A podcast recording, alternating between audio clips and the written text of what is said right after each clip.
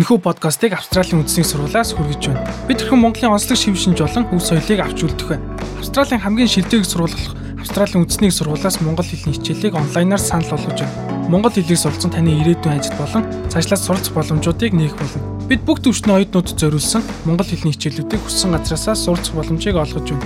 Энэхүү хичээлийн жилийн бүртгэл 2019 оны 2 сарын 20-нд дуусна. Илүү их мэдээллийг ANU-цэг, EDU-цэг, AU сайтаас хүлээн авна уу? За сонсогч та бүхэндээ энэ өдрийн мэндийг хүргье. Энэ 7 өдрийн манд дугаар та бүхэнд хүрэхэд бэлэн болсон байна. Гэр бүлийн хүчирхийллээс хэрхэн сэргийлэх вэ?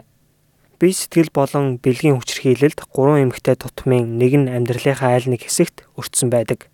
Гэр бүлийн хүчирхийлэл хүн бүрт тохиолдох магадaltaй. Харин шинээр ирсэн оршин суугч эмэгтэйчүүд энэхүү асуудалтай холбоотой тусламж дэмжлэг авах тал дээр нэмэлт бэрхшээлүүдтэй тулгардаг.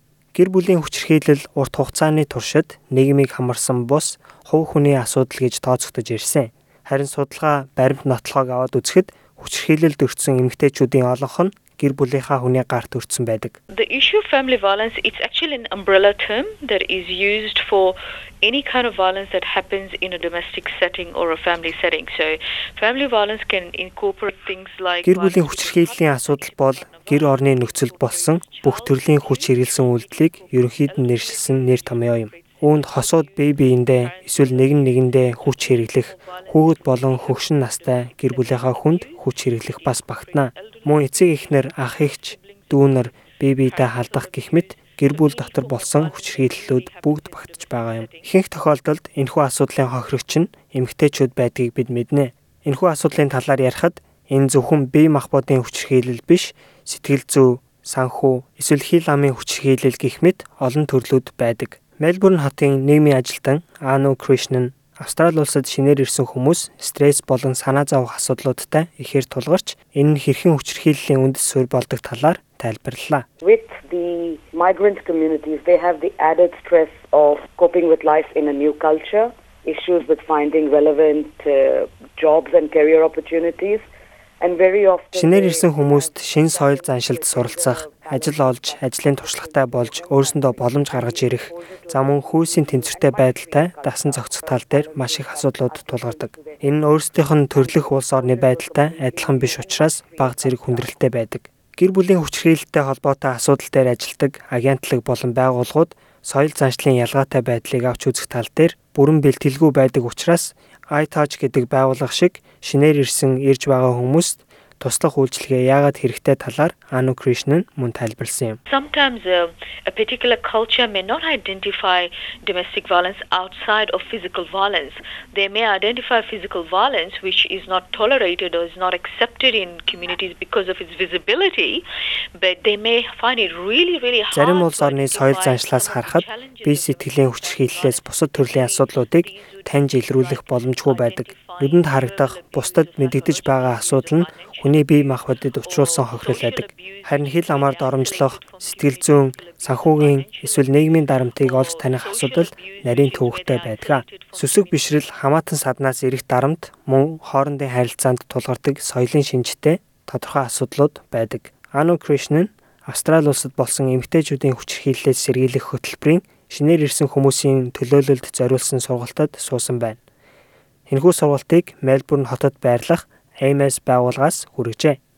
Гэр бүлийн хүчирхийллээс сэргийлэхийн тулд нийгмийн оролцоо нэн чухал өр нөлөөтэй хэмээн Anu Krishnan хэлсэн юм. there has to be a lot of support so the women are actually brave enough to or feel confident enough to come out and ask for help and there also needs to be active programs to raise awareness within the community so other community members can rally and help a woman Эмэгтэйчүүдэд урам зориг өгөх, өөрсдөө итгэлтэй болгох, хүний тусламж санаа зовохгүйгээр асуудаг болоход маш их дэмжлэг тусалцаа хэрэгтэй. Нийгмийн хүрээнд гэр бүлийн хүчирхийллийн тухай мэдлэгийг сайжруулах хөтөлбөрүүд зохион байгуулах шаардлагатай байгаа юм. Ингэснээрээ бусад улсаас ирсэн нийгмийн хүмүүс бас үүнд хамрагдаж, уг асуудлаас болж хохирч ганцаардж байгаа эмэгтэйчүүдэд урам зориг өгөх боломж гарах юм. Гэр бүлийн хин нэг нэг альва нэгэн байгууллагт мэдэгдэх нь тийм ч амар зүйл биш. Тийм ч учраас эмэгтэйчүүд энэ тухай мэдэгддэггүй. Эмэгтэйчүүдийг энэ тухай ярихыг нь энгийн асуудал гэдгийг ойлгуулж, санаа зовж байгаа байдлыг нь өгөө болгох хэрэгтэй. Энэхүү сургалтыг MS Австраlia байгууллагын сурагч багш Wendy Lobwen зааж зохион байгуулсан байна. Тэрээр хүчирхийллийг зогсооход эрэгтэйчүүдийн оролцоо маш чухал хэрэгтэйг дурдсан юм. Men can really play such an important role which is advocating for respectful relationships between men and women and respectful attitudes to women and Эрэгтэйчүүдийн оролцоо маш чухал үр дагавартай. Хоорондын харилцаагаа бие биедээ хүндэтгэлтэй болгох, аливаа асуудлуудыг хэлэлцэхэд эмэгтэйчүүдэд бие биенээ ойлгож, эерэг хандлага үүсгэх хэрэгтэй. Шинээр ирсэн эмэгтэйчүүд тусламж дэмжлэг авах тал дээр нэмэлт бэрхшээлүүдтэй тулгардаг. Ихэнх тохиолдолд тэд тусгаарлагдсан мэт санагдаж хинд хаана хандхаа мэддэггүй. They are scared to report and plus even if they do report where will they go? They're not used to taking help from people or going into women's shelters. They often have preconceived ideas about what these shelters look like. Иймэрхүү асуудлыг мэдээлэхдээ тэд их айдаг. Мэдээллээ гэж бодоход хаана хандах вэ? Зарим эмэгтэйчүүд өмнө бусдын тусламжийг авч байгаагүй мөн эмэгтэйчүүдийн хорогдох газарт байрлаж үзээгүй байдаг. Эдгээр хорогдох газруудын талаар хүмүүс буруу ташаа ойлголттой бас байдаг. Мөн ихэнх нь визний асуудалтай хамтрагчийнхаа дагалдангаар ирсэн эсвэл санхүүгийн хараат байдалд байдаг.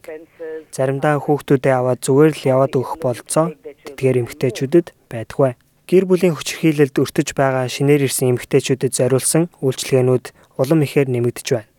Зарим байгууллагууд орчуулгын үйлчилгээ санал болгож олон хил дээр туслалцаа үйлчилгээгээ явуулдаг. Хүмүүс амьдарч байгаа дүүргийнхаа GP буюу өрхийн эмч дээрээ очиж бас мэдээлж болно. Гэхдээ хэрвээ онц ноцтой аюулд өртсөн бол та үргэлж 000 дугаарт залгаж болно. And I know that a lot of women have confided that they are frightened of the police being involved. They think it will be the beginning of the destruction or breakdown of their family. But police are increasingly being trained in, in response, which is around making sure that people are safe. Not about Би маш олон эмэгтэйчүүд цагдаа сэргийлэхтэй холбогдохоос айж эмээдгийг мэднэ. Хүмүүс цагдаагийн байгууллагыг гэр бүлийг шууд сарниулахад хүргэдэг гэсэн ойлголттой байна. Харин цагдаагийн байгууллага гэр бүлийг салгах бус харин хүмүүсийг хэрхэн аюулгүй байлгах тал дээр сургагдаж бэлтгэгдсэн байгаа. Ямар нэгэн аргаар таныг аюулгүй байлгах болно. Тийм учраас аюултай эрсдэлтэй байдалд орсон бол 000 дугаарт залгаарай. Хэрвээ та өөрөө эсвэл хэн нэгэн таньдаг хүн тань гэр бүлийн хүчирхийлэлд өртсөн бол 1800 respect гэсэн дугаард залгаж тусламж аваарай. Хэрвээ орчуулгын үйлчилгээ танд хэрэгтэй байгаа бол 13 14 50 дугаарт залгаарай. За дараагийнхаа дугаараар та бүхэнтэйгээ тун удахгүй уулзцаая. Бүгдээрэнд нь амжилт хүсье. Энэхүү подкастыг Австралийн үндэсний сургуулиас хүргэж байна.